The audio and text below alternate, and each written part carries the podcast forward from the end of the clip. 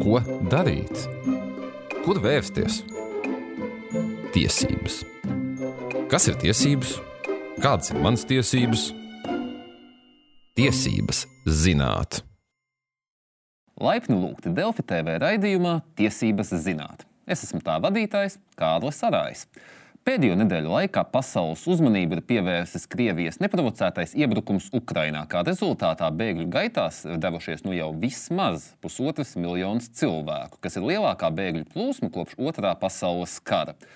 Lielākā daļa šo bēgļu savas pagaidu mājas atrod Ukraiņas kaimiņu valstī Polijā, kā arī Rumānijā un Ungārijā. Taču daļa nonāk arī līdz mums Latvijā. Mēs, gan kā valsts, gan kā iedzīvotāji, esam pauduši gatavību palīdzēt šiem cilvēkiem. Taču mums ir jāsaprot, kā mēs varam palīdzēt, iekļaujoties mūsu esošajā tiesību rāmī. Galu galā mēs negribētu, lai mūsu palīdzības dēļ ciestu vainu mūsu, vainu mūsu pagaidu viesi, vai arī mēs paši. Tādēļ šodien studijā esmu aicinājis uh, Latvijas cilvēktiesību centra juristu, kā arī biznesa augstskolas studijas lektoru Edgars Oļševski. Sveiks! Sveiki. Jā, nu sākšu pavisam vienkārši. Ir haoss informācijas šobrīd. Uh, ir oficiālie varianti, kā palīdzēt bēgļiem, ko valsts piedāvā, un visu laiku ir Facebookos, Twitteros individuālai palīdzības līgu, uh, lūgumi. Uh, ko darīt cilvēkam šobrīd, lai norientētos šai haosā un saprastu, kā palīdzēt? Vai likt individuālas palīdzības sludinājumus tiem atsaukties, vai tomēr aicināt cilvēkus vērsties tajā centralizētajā sistēmā? Kas ir pareizā rīcība vispār? Nu, es aicinātu cilvēkus pārbaudīt tavotus visu laiku, ja, piemēram, ir kaut kas, kā jūs minējāt, ir sociālajos tīklos kaut kāda informācija, tad vēlams būtu vispirms ielūkoties, no kurienes tā nāk. Ja? Kas ir tas izcelsme un avots, cik tas ir ticams. Un varbūt ir atsauksmes, atsauksmes kaut kādas, piemēram, vai tieši otrādi komentāri ir atslēgti un, un nav nekas tāds tukšs, ja kaut kāds viltus, kuras lapas vai tam līdzīgi. Tas ir galvenais. Uh, jā, es piekrītu, ka labāk darboties, kamēr nav tāda nu, krīze, krīze, darboties caur to, kas ir no valsts puses sankcionēts. Šobrīd es neredzu, ka uh, Latvija uh, šajā ziņā kaut kā atpaliek vai, vai teiksim, traucē darboties cilvēkiem, kuri grib palīdzēt. Līdz ar to es šajā ziņā uzticētos valstī. Uh, Un tikai tad, ja ir pamats, būs pamats, cerams, ka nebūs, bet ja būtu pamats uzskatīt, ka valsts vairs netiek galā, tad jau cilvēkiem varētu jau veidot tādu horizontālo, ciešāku to sadarbību. Bet pagaidām cilvēki ir lielie malači un krāpniecība, protams, pastāv, bet galvenā cīņa pret to ir pārbaudīt tavotus. Varbūt varat noprecizēt, kas ir tieši šis valsts piedāvātais centralizētais risinājums mūsu skatītājiem, klausītājiem? Uh, Nu, ja mēs runājam par bēgļiem un palīdzību mm -hmm. no Ukraiņas cilvēkiem, tad uh, tas ir tas galvenais, kas tagad tiks izveidots uh, kongresa namā. Tā, tā vi, ļoti svarīga, lai būtu viena vieta. Ja? Tad uh, šī palīdzība tiktu sniegta. Cilvēks zina, kur var aiziet un ko izdarīt. Un tas ir ļoti labi. Ir arī šis vienotais tālruņa numurs, kur var piezvanīt. Man ļoti patīk uh, tas, ko izveidoja saistībā ar gribu palīdzēt bēgļiem. Tā vienotā lapa, kur cilvēks gan ukrāņu valodā, gan arī angliski un krieviski redzē, var redzēt, ko viņš var piedāvāt un ko viņš var saņemt. Cilvēks. Līdz ar to no šī ir tie instrumenti, centralizētie, kas man ļoti patīk. Un vēl kas man patīk, ka Uh, izlabojiet, ja kļūdos, bet manuprāt, tagad visās valsts pārvaldes iestāžu mājaslapās ir viens no pirmajiem, ko mums izmet, ir šis te, kā es varu palīdzēt Ukraiņas bēgļiem. Tas arī ir tas, ka cilvēks uzreiz saskarās. Jā, tu vari, piemēram, aizvērt to logu, bet tu vari arī turpināt pēc saitēm iziet uz to, kas ir ticams. Un es, es šajā ziņā es ļoti lepojos ar to, kas tagad notiek no, no valsts puses. Bet vēlreiz saku, cilvēki ir malači un mums tā horizontālā sadarbība jau tagad ir tik izcilā, ka cilvēki maz mums ir tas, kas ir tādu. Nu, netīro kaut kādu cilvēku, kuri, piemēram, mēs zinām, ka tas apkrāpa kā, kā, kādu citu. Mēs vairāk redzam un jūtam, ka ir labas prakses, piemēram, un es ceru, ka tā arī paliks. Uh, tā tad, bet nu, atgriežamies pie horizontālās. Jā. Uh, ko, ko vispār mēs drīkstam kā iedzīvotāji darīt, un kas varbūt tās lietas, ko mēs nedrīkstam? Vai ir tādas lietas, ko mēs tiešām nedrīkstētu arī darīt? Nedrīkstētu mēs noteikti ņemt atlīdzību pār savu labu darbu, ko mēs piedāvājam. Piemēram, ja mēs kaut ko atstājam, uzdāvinām ja, krīzes centriem vai nezinu, cilvēkiem tieši, tad mēs neņemam par to nec procentus, nec kaut ko tādu. Ja. Es atturētos uh, piedāvāt kaut ko rakstveidā cilvēkiem parakstīt. Piedāvāt, piemēram, par to, ka tev es nezinu, sākot ar to, ka tev nav sūdzību par eh, preces kvalitāti, līdz par to, ka tu, piemēram, nezinu, atdosi, kad izmantosi. Ja? Nevajag biedēt šos cilvēkus, neaizmirstam, ka tie cilvēki kaut arī mums ir uh, vienā kontinentā. Tas nav piemēram kā cilvēki no Āzijas valstīm, kuriem vēl grūtāk ir saprast tiesību sistēmu un vispār valstu uzbūvi Latvijā. Šie ir Eiropas pārstāvji, bet tāpat viņiem diezgan svešā vēl mūsu valsts pārvaldes sistēma un tiesības tajā. Un līdz ar to nevajag biedēt ar to, ka paraksti, atdod, atmaksā un tam līdzīgi. Ja mēs kaut ko dodam, tad mēs atdodam un skaidri pasakot, re, kur tas tagad ir tavējais, vai tavēja manta, vai palīdzība. Ja? Tas ir tas. Un, ja mēs redzam, ka kāds aicina kādu tur parakstīt no bēgļiem, piemēram, kaut kādu lapu, tad, tad mēs par to signalizējām, sākot ar valsts policiju. Bet arī droši vien mums arī var dot ziņu par to, ka kaut kas tāds notiek, un mēs centīsimies noskaidrot. Bet uh, tas ir tā kā nelikumīgi, vai tas ir vienkārši morāli neētiski? Nu, tīri no viedokļa. Tas, tas visdrīzāk ir, ne, piedošana, tas ir visdrīzāk ir nelikumīgi arī. Mm. Bet tur atkal jāskatās, kāds saturs tam būs visam. Ja? Jo dāvinājums var būt arī bez kaut kāda rakstveida līguma. Vienkārši kā mēs katrs, es nezinu, rītā ir 8. mārciņa. Nu, visdrīzāk mēs kādam kaut ko uzdāvināsim. Mm. Pieļauju, ka sievietēm tam līdzīgi. Tas ir, mēs taču neprasām visu laiku, nu, tu parakstīsi, ka tu par saņemšanu, saņemšanas nodošanas akcijā. Nekas tāds. Uh, mēs jau aizskatām dāvināšanu un ziedošanu, tad varbūt uh, ziedojot arī uh, Vai cilvēkiem tad pienākās teiksim, nodokļu atmaksas, atlaides kaut kādas, ja viņi ziedo tieši šai humanitārai palīdzībai, humanai palīdzībai? Mm -hmm. Ir tādas iespējas pieprasīt nodokļu atvieglojumus pēc tam. Tikai es, tur likumā ir jāpaskatās, vai par katru ziedojumu, vai kas pārsniedz noteiktu apmēru. Uh mhm. -huh. Jā, bet principā šādas tiesības ir tieši, lai veicinātu šo, šo, te, šo ziedojumus. Bet, nu, vēlreiz, tas, ja, piemēram, privāta persona noziedojas nezinu, bērnu ratiņus kādam citam, tad, nu, protams, tas neietekmēs nodokļu atmaksu pēc tam. Savukārt, ja tas notiek lielā apmērā un, piemēram, sabiedriskā labuma organizācijai, kaut kas tāds, kas biedrībai, kaut kas tāds, piemēram, tad varētu būt, ka tur paredzēts kaut kas. Un tagad, uh, fokusējoties jau uz kādām konkrētākām situācijām, uh, kā ir, vai var, piemēram, uzņemt ģimeni, ja tur ir teiksim, viens ģimenes loceklis, ir Ukraiņas pasi bēglis, bet otrs ir arī bet Krievijas pasi, arī dzīvojas Ukraiņā, un abi tagad ir atbēguši uz Latviju. Vai nebūs tā situācija, kad tas ar Ukraiņas pasi varēs palikt, tad tas ar Krievijas pasi teiksim, nevarēs? Tāda situācija nevar rasties. Ļoti labs un ļoti aktuāls jautājums. Mēs arī tādus daudz saņēm, saņēmām pēdējā laikā. Par to nav pamata uztraukties, jo šobrīd Eiropas Savienības ietveros ir pieņemts vienotais lēmums par pagaidu aizsardzības statusu ieviešanu pirmo reizi, kopš šāda direktīva ir pie, pieņemta. Tas tiek iedarbināts. Un tajā ir skaidri noteikts, tas ir Eiropas Savienības padome, to ir uh, akceptējusi. Tur ir skaidri noteikts, ka šī pagaidu aizsardzība attiecās gan uz Ukraiņas pilsoņiem, kuri uzturējās Ukraiņas teritorijā pirms Krievijas kara uzsākšanas, ja, un Baltkrievijas, gan arī viņu ģimenes locekļiem. Neatkarīgi no tā, vai viņi, piemēram, Krievijas vai Baltkrievijas piedarīgie un tam līdzīgi. Līdz ar to šī aizsardzība attiecinām uz visiem un nav pamata uztraukties. Ja tā ir vienotā ģimene, kā jūs minējāt, ja, piemēram, tikai no Krievijas ar Krievijas pasi cilvēks grib pieteikties mums starptautiskai aizsardzībai, tādas tiesības arī ir. Nu, piemēram, opozīcijas pārstāvji, kuri nepiekrīt. Ja? Un tam līdzīgi tādas tiesības ir, bet tā būs nevis pagaidu aizsardzība, bet klasiskā patvēruma procedūra. Tas jau kas PMLP cauriet. Ja? Jā, jā, mhm. tieši tā. Labi, pieņemsim, ka šī ģimene pie mums ir ieradusies. Ko darīt tālāk? Kur viņi var vērsties teiksim, pēc kādas palīdzības, nu, finansiālas, varbūt arī cita veida, kur viņiem vērsties? Jā, kā jau teicu, tad ir šī vienotā mājaslapa, kur ir atrunāts viss, gan vienotais tālruņa numurs, gan arī, gan arī saites, kur var pieteikties elektroniski. Bet es aicinātu sākt ar to, ka sazinās ar Pilsonības un migrācijas lietu pārvaldi, gribu palīdzēt bēgļiem, Latvijas cilvēktiesību centram, Tiesību sarga birojam un jebkura no šīm nosauktajām institūcijām palīdzēs jau tālāk, jau kārtot, atkarībā no tā, ko grib darīt. Ja? Atkarībā no situācijas. Ja tā ir pagaidu aizsardzība, tas ir viens process, ja tā ir patvēruma lieta, tas ir cits process. Ja, piemēram, mums ir daudz tādu vēstuļu, kas, piemēram, cilvēki uztraucās, ja viņi atbrauks pie mums bet viņiem, piemēram, ir nepieciešami speciālie medikamenti, zāles, piemēram, ko darīt tad. Nu, tad tu skaidro, kur tad vērsties, un tur arī speciālie tālruņa numuri arī ir paredzēti.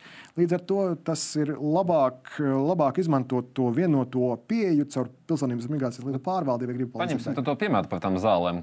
pasakiet, tad, kur ir jāvēršās, lai, ne, lai, lai ietaupīsim kādu lieku zvanu varbūt. Jā, es atceros, eh, es atceros, ka bija viena numuri, bet es neatceros tos institūcijas. Visdrīzāk tā bija veselības, eh, veselības inspekcija, bet es varu kļūdīties. To es no galvas piedošanu neatceros. Mm. Un, be, un kāda tā palīdzībām ir valsts līmenī, un arī pašvaldības visi individuāli kaut ko saka? Vai mums ir eh, atšķirī, atšķirī, atšķirās šis palīdzības līmenis starp pašvaldībām, vai tas ir kaut kādā mērā vienots? Uh, tas būs tagad, kad būs pagaidu aizsardzība, tas būs vienots.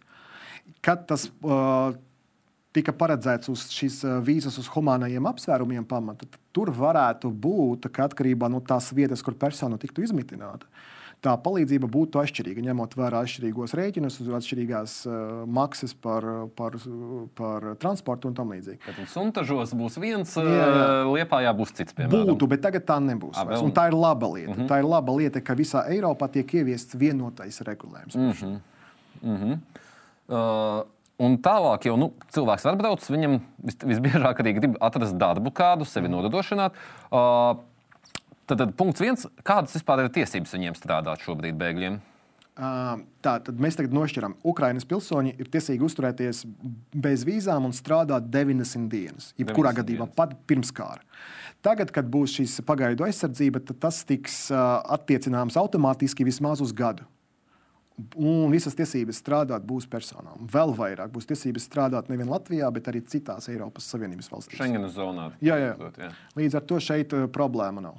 Tātad es varu faktiski tāpatās kā jebkura Eiropas Savienības pilsoni, tagad šo Ukraiņas bēgu, tad, kad stājas spēkā, pieņem darbā savā mazajā teiksim, uzņēmumā, un uh, viņš strādā, maksā nodokļus, un viss notiek. Ja? Jā, jā, vien nav problēmas ar valsts valodas uh, prasībām, kas varētu būt, bet es ļoti ceru, ka neviens šajos apstākļos uh, neuzdrošināsies likt uh, barjeras un šķēršus, lai nodarbinātu šos cilvēkus. Vai ir bijuši kādi signāli jau? Nē, nav. Būt? Tieši tas, mm -hmm. tas ir labi, ka nav signālu. Mm -hmm. Tad, tad nekādas papildus formalitātes tur nebūs vajadzīgas. Ne, nebūs tikai mm -hmm. vienīgi tas, ka cilvēks ir šeit. Jā, pasaulē, diemžēl, joprojām ir arī Covid un uh, atsevišķās gan teiksim, ārstuvēs vajag šo certifikātu. Kā ir Latvijā? Varbūt jūs zinat ar to Covid certifikātu Ukrainas un uh, vispār vai Latvijā teiksim, šiem te cilvēkiem, kas varbūt grib vakcinēties, ir iespēja tagad, kas ir atbraukuši un varbūt nav vakcinējušies? Vakcinēties noteikti ir iespēja, bet kā ir ar esošajiem certifikātiem, es pirmo reizi par šo te aizdomājos. Nezinu, visdrīzāk mēs atzīstam, ņemot vērā to, ka Eiropas Savienībai un Ukrainai ir ciešās, ciešā, jau bija ciešā saikne. Bet to, ka, piemēram, patvērumu meklētājiem un bēgļiem šeit Latvijā ir tādas pašas tiesības vakcinēties, kā mums, mūsējiem. Tā ir brīvprātīga, bet piedāvā visas iespējas par brīvu. Līdz ar to cilvēks, kas un ieceļojot Latvijā, nekāds vakcinācijas certifikāts nav kā obligāts priekšnoteikums, lai tagad no Ukrainas bēgļiem varētu, varētu ieceļot Latvijā. Un tas, ka šeit būs tiesības tādas, noteikti var, bet vai certifikāts jau jau esošais tiks oficiāli atzīts Latvijā. Visdrīzāk, jā, bet es nevaru to tā garantēt. Mm -hmm. uh, būtisks jautājums ir arī finanses, tīpaši Varam pieņemt, ka kādam varbūt arī bija Krievijas kādā bankā konts kaut kur, kas šobrīd nav aktuāls. Kā uh, banku kontiem uh, bēgļiem viņi arī tos var viegli atvērt Latvijā vai, sas, vai ir jā, jāsaskatās? Jā, jā, jā Latvijā, Latvijā bija problēmas, bet šobrīd mēs arī darbojamies tajā virzienā, ka bēgļi var atvērt Latvijā arī kontus un bankas sadarbojās. Un līdz ar to, jā, principā jā.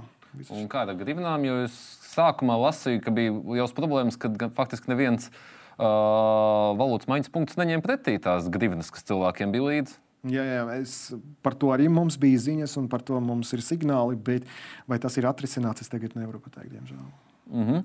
uh, un, uh, kāda tiesisko palīdzību, kur var meklēt, teiksim, tas jūs minējāt, tiesības sarga biroja, ir vēl kādi varianti, kur var meklēt tieši tiesisko aizsardzību, varbūt ir jārisina tomēr kāds juridisks strīds. Noteikti, un mēs esam priekšplānā šeit. Latvijas cilvēktiesību centrs uh, tā ir viena no mūsu prioritārajām jomām, un mēs esam te, tie, tie, kas sniedz šādu juridisko palīdzību patvērumu meklētājiem, bēgļiem, ieskaitot arī no Ukraiņas, protams.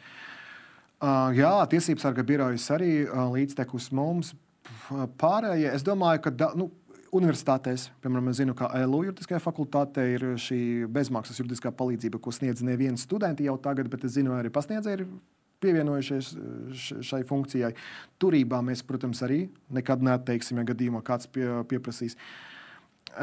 Paredzams, ka nāksies izmantot visus šos resursus nosauktos, jo darba pietiks visiem. Darbs, es domāju, nevis darbs par atalgojumu, bet šī iesaiste šajās funkcijās līdz ar to. Nu, galvenais, galvenais neaizmirst, ka Latvijas cilvēktiesību centrs tiesības sargs tas ir tas, ar ko primāri, pie kā primāri var vērsties saistībā ar šo juridisko palīdzību. Un skatītājiem arī piebildīšu, ka pirmdien Latvijas zvērnāta advokātu padome paziņoja, ka 84 zvērnāta advokāti ir gatavi bez maksas sniegt palīdzību bēgļiem no Ukrainas.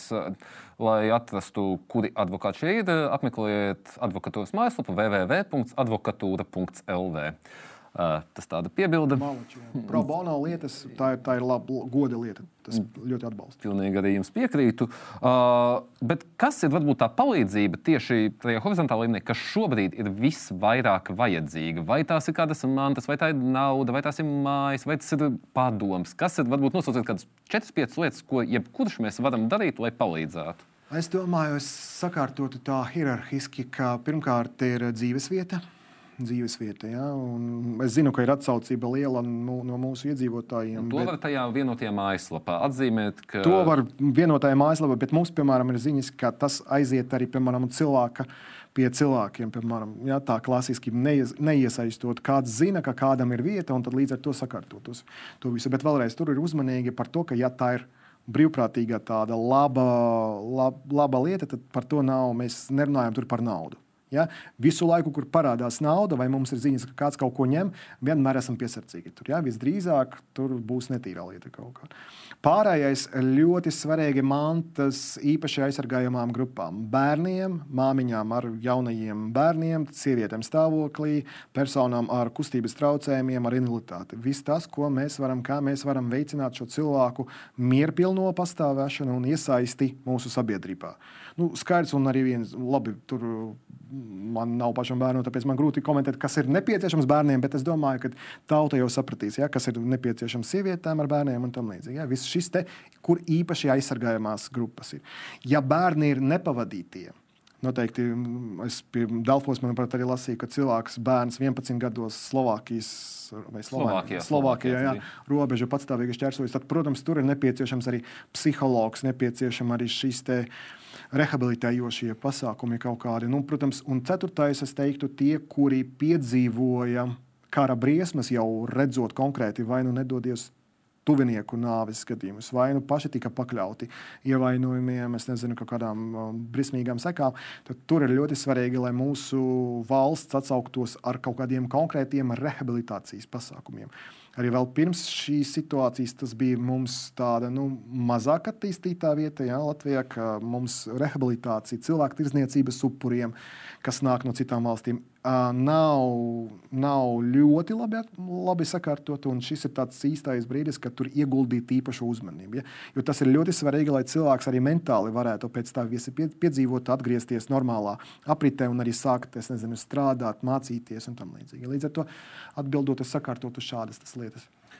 Tas ir, jā, tas ir palīdzēt bēgļiem, bet vai mēs varam palīdzēt tiem cilvēkiem, kas nu, nespēja vēl kļūt par bēgļiem, kas atrodas šobrīd uh, Ukrajinā, vai mēs viņiem kā varam palīdzēt? Piemēram, tagad ir tā populārā akcija, ka rezervēt Airbnb mājas. Uh, varbūt jūs varat pastāstīt arī, kā mēs varam šobrīd palīdzēt tur.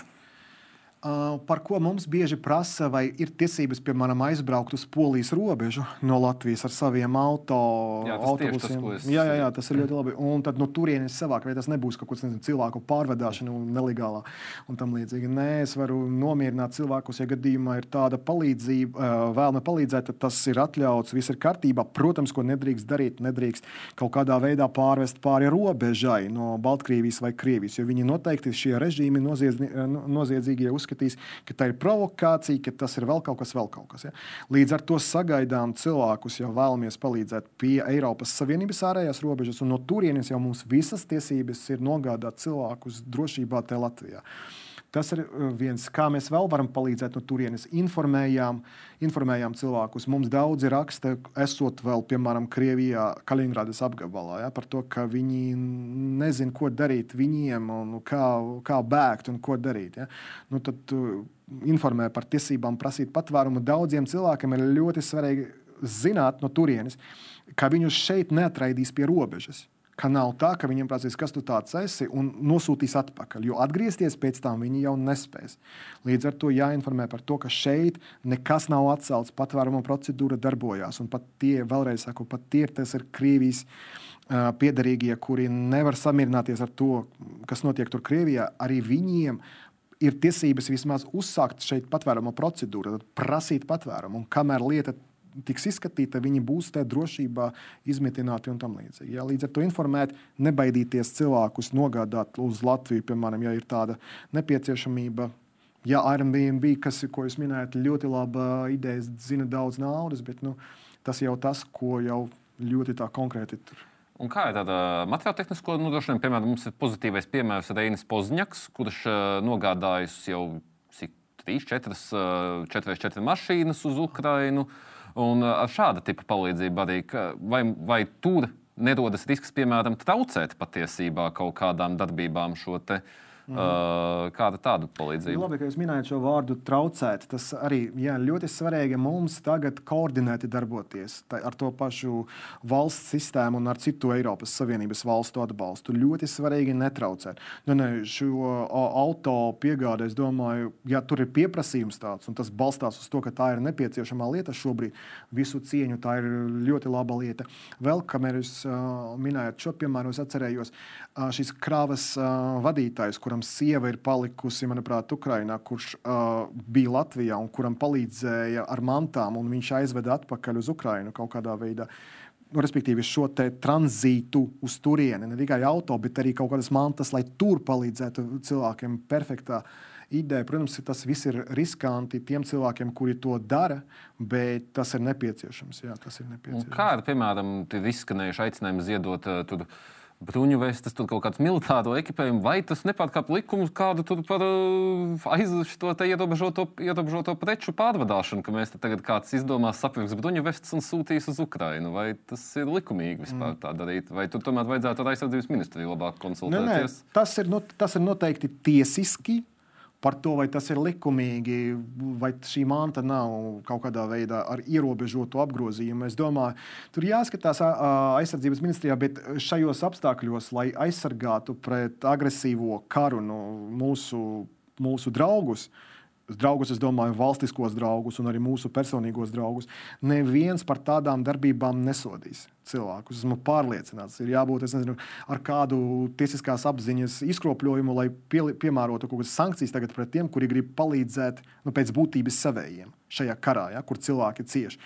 Līdz ar to tā nav problēma. Kur varētu rasties problēma, ja tas tiks asociēts ar valsti, ar valstisko palīdzību? Nu, tad atkal Putina režīms, tas, tā, tā ir iesaistīšanās karā un tam līdzīgi. Līdz ar to, ja kaut ko tādu darām, tad darām to kā fiziskās personas īpaši varbūt nepublicējot tādas lietas, ja, lai, lai tur ne, neprovocētu. Bet eh, vēlreiz saku, es neredzu tur problēmas tieši ar tiesībām.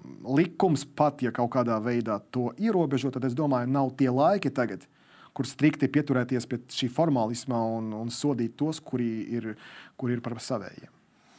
-hmm. Un uh, noslēgumā es gribu jautāt, vai ir kaut kas, ko es neesmu pieminējis, pajautājis, uh, aktualizējis, kas jūsuprāt būtu ļoti svarīgs uh, šajā visā palīdzības kontekstā, gan uz vietas, gan arī palīdzot tiem cilvēkiem, kas joprojām atrodas Ukrajinā? Nē, manuprāt, jūs ļoti labi iezīmējat visu šo ietvaru. Vienīgais, ko es vēl varētu teikt, ka neaizmirstam arī šajā ziņā būs nedaudz egoistiski, neaizmirstam arī par sevi un galvenokārt par savu mentālo stāvokli šobrīd. Jo cilvēkiem grūti, ne tikai Ukrajinā, bet arī pie mums te cilvēki pakļauti depresijai, cilvēki baidās, cilvēki vēl kaut kas. Arī saudzējam sevi ja, mierīgāk. Uh, Jo uz mums skatās arī apkārtēji, un mums, mēs ietekmējam arī cit, citus cilvēkus. Līdz ar to ļoti svarīgi, lai mēs te arī saglabātu tādu, tas pat nebūtu kaut kāds tāds budisma pilns miers, bet lai mēs esam produktīvi. To es varētu aicināt, lai esam produktīvi. Bet jūs labi atzīmējat visu. Tad paldies jums par sarunu. Un, uh, Skatītāji, tiksimies jau pēc divām nedēļām, un atcerieties, mums visiem ir tiesības zināt savas tiesības. Atā! thank you